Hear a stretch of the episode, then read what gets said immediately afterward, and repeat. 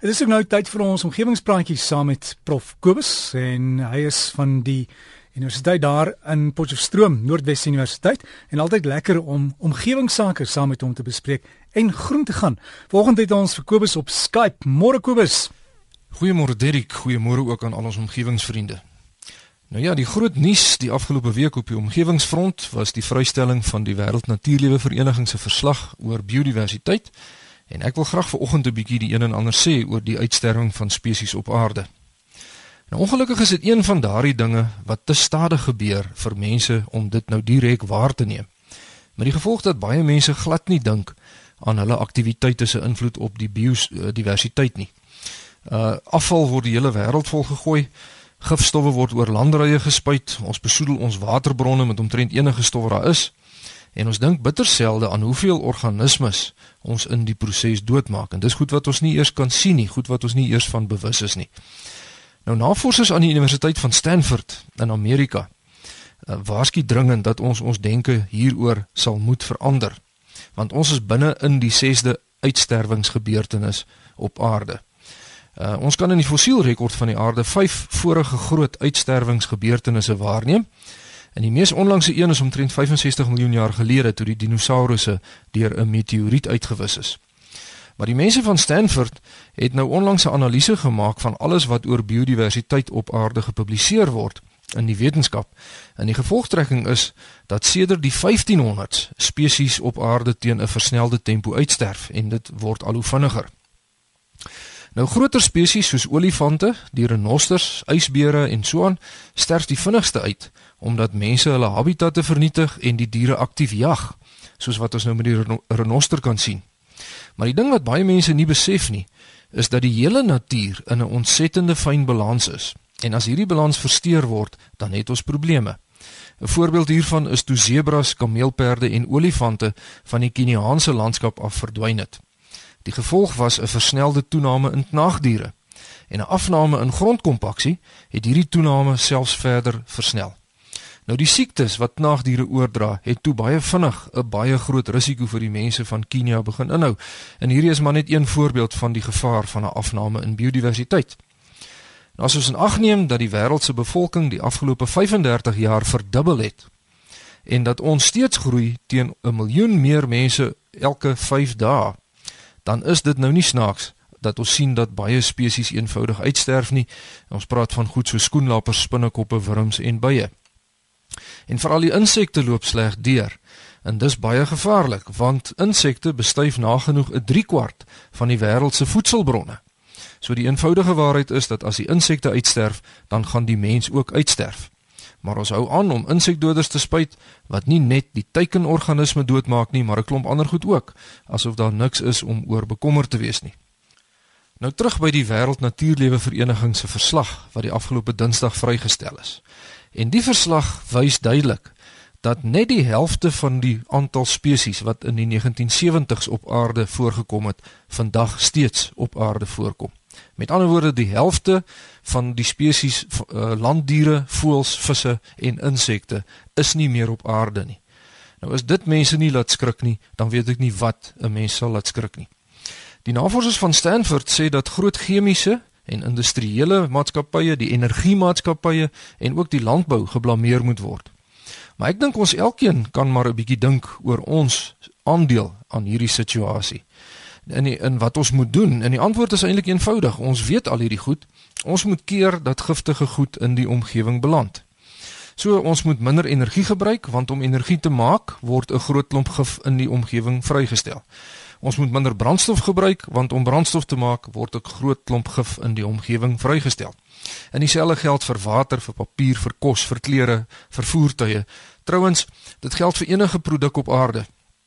In die die eenvoudige feit is as mens spaarsamig werk, dan voorkom jy invloede op die omgewing. Verder moet ons ons afval hersirkuleer sodat dit nie organismes in die omgewing kan doodmaak nie En so kan ek aangaan. Ons omgewingsvriende weet wat elkeen se verantwoordelikheid is in hierdie verband. En ek hoop regtig dat hierdie waarskuwing deur almal op aarde ter harte geneem sal word en dat individue sowel as groot organisasies 'n bietjie verder sal dink. Want as dinge aangaan soos dit nou aangaan, waar die aantal spesies op aarde gehalveer het oor 'n tydperk van omtrent 50 jaar, dan gaan ons kleinkinders van die honger sterf en dis nie 'n ydelle waarskuwing nie. Klimaatsverandering gaan hierdie bedreiging nog verder vererger. So ons beter betyds iets daaraan doen of ons skep reuse probleme vir ons nageslagte. Nou ja, dan omgewingsvriende iets heeltemal anders. Ek wil graag vanoggend weer 'n navraag uh, behandel en ek het 'n baie oulike brief ontvang van meneer Karel Boonsaier.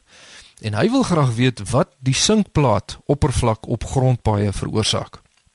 Hy sê hulle het op skool al gespekuleer dat die sinkplaat die gevolg moet wees van die ontbranding van enige binnebrand engine, want die ontbranding is nie egalig nie. Elke silinder se plofslag vorm 'n individuele uh, beweging wat dan die sinkplaat riwe veroorsaak.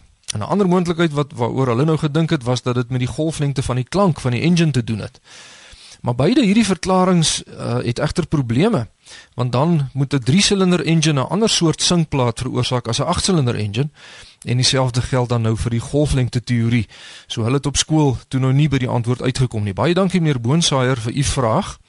En ek het deur die jare nog twee ander verklaringe ook gehoor vir 'n sinkplaatpad naamlik dat die riffels deur die wind van die verbygaande motors veroorsaak word, uh soortgelyk aan hoe die wind branders op see veroorsaak.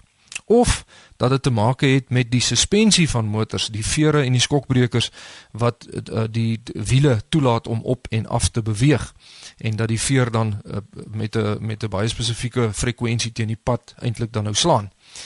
Nou uh, die naaste uh, van die werklikheid, die naaste aan die werklikheid is die suspensie van motors want reeds in 1962 het 'n navorser aan die Universiteit van Melbourne in Australië 'n wiel aan 'n elektriese motor vasgemaak en die wiel al in die rondte laat loop op verskillende oppervlakke. Soos byvoorbeeld fyn sand, grower sand, grys en dan selfs ook goed soos ertjies, rys en suiker.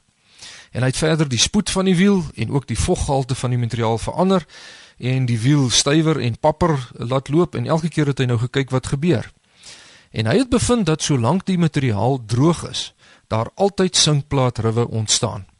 As die wiel styf opgepomp was, het die sinkplaat vinniger ontwikkel as by 'n papperige band. En verder kom sinkplaat selde in nat materiaal voor, maar altyd in droë materiaal. Dit maak ook nie saak of die wiele aandryf wiel is nie, met ander woorde, daar is nie verskil tussen die invloed van die agter of voorwiele van 'n motor nie. Alle wiele veroorsaak sinkplaat. Die grootste invloed op die ontwikkeling van sinkplaat was die spoed van die wiel oor die oppervlak. En sy gevolgtrekking was uh, dat dit verklaar kan word deur die feit dat geen pad oppervlak altyd 100% glad is nie. Daar is altyd klein holtetjies en as 'n wiel nou deur die holtetjie loop, dan stamp die wiel effens teen die kant van die holtetjie sodat die holte nou altyd groter gedruk word deur die wiele wat oor die holte loop. En as hy dan nou teen die kant van die holte stamp, dan word die wiel effens die lug ingestamp en dan druk die suspensie die wiel terug grond toe en die wiel druk dan effens harder op die grond waar hy dan weer met sy volle gewig terugbeweeg aarde toe. En dan vorm hy mettertyd 'n tweede holtetjie langs die eerste holte. En so gaan die eh, die proses aan, hy herhaal homself totdat die hele pad naderhand vol sinkplaat riwe is. Die riwe sal mettertyd aanpas by die spoed van motors op die pad, die gemiddelde spoed, sodat die klomp riwe nou naderhand mooi in fase is met die natuurlike frekwensie van die suspensie van die gemiddelde motor op daardie pad teen daai gemiddelde spoed. Ehm um, met ander woorde die die enigste wyse om die verskriklike geskit van 'n sinkplaatpad vry te spring sal dan wees of om stadiger as die natuurlike fase van die uh, sinkplaat rive te ry of vinniger sodat jou bande dan nou net die boonste randjies van die rive raak en dus as ware oor die holtes sweef. Nou watter alternatiewe mens kies word natuurlik beïnvloed deur, deur jou vernuf agter die stuurwiel. Maar die enigste wyse om van sinkplaatpad ontslae te raak is om die pad van vooraf mooi gelyk te skraap. Maar dan begin die proses maar net van vooraf. Eh, met eh, met ander woorde, solank as wat daar grondpaaie is, sal daar ongelukkig ook sinkplaatpaaie wees. Dit ek daarmee sluit ek af. Skryf gerus vir my by kobus.vanderwalt by nwu.ac.za of by die fakulteit Natuurwetenskappe Noordwes Universiteit Potchefstroom 2520. Kom ons doen elkeen ons deel om biodiversiteit te bewaar en vriendelike groete tot 'n volgende keer. Dankie Kobus en dis professor Kobus van der Walt van Noordwes Universiteit. Sy e-posadres is kobus met 'n k kobus.vanderwalt wat jy as een skryf kobus.vanderwalt by nwu.ac.za nwu.ac.za. Kobus.vanderwalt by nwu.ac.za.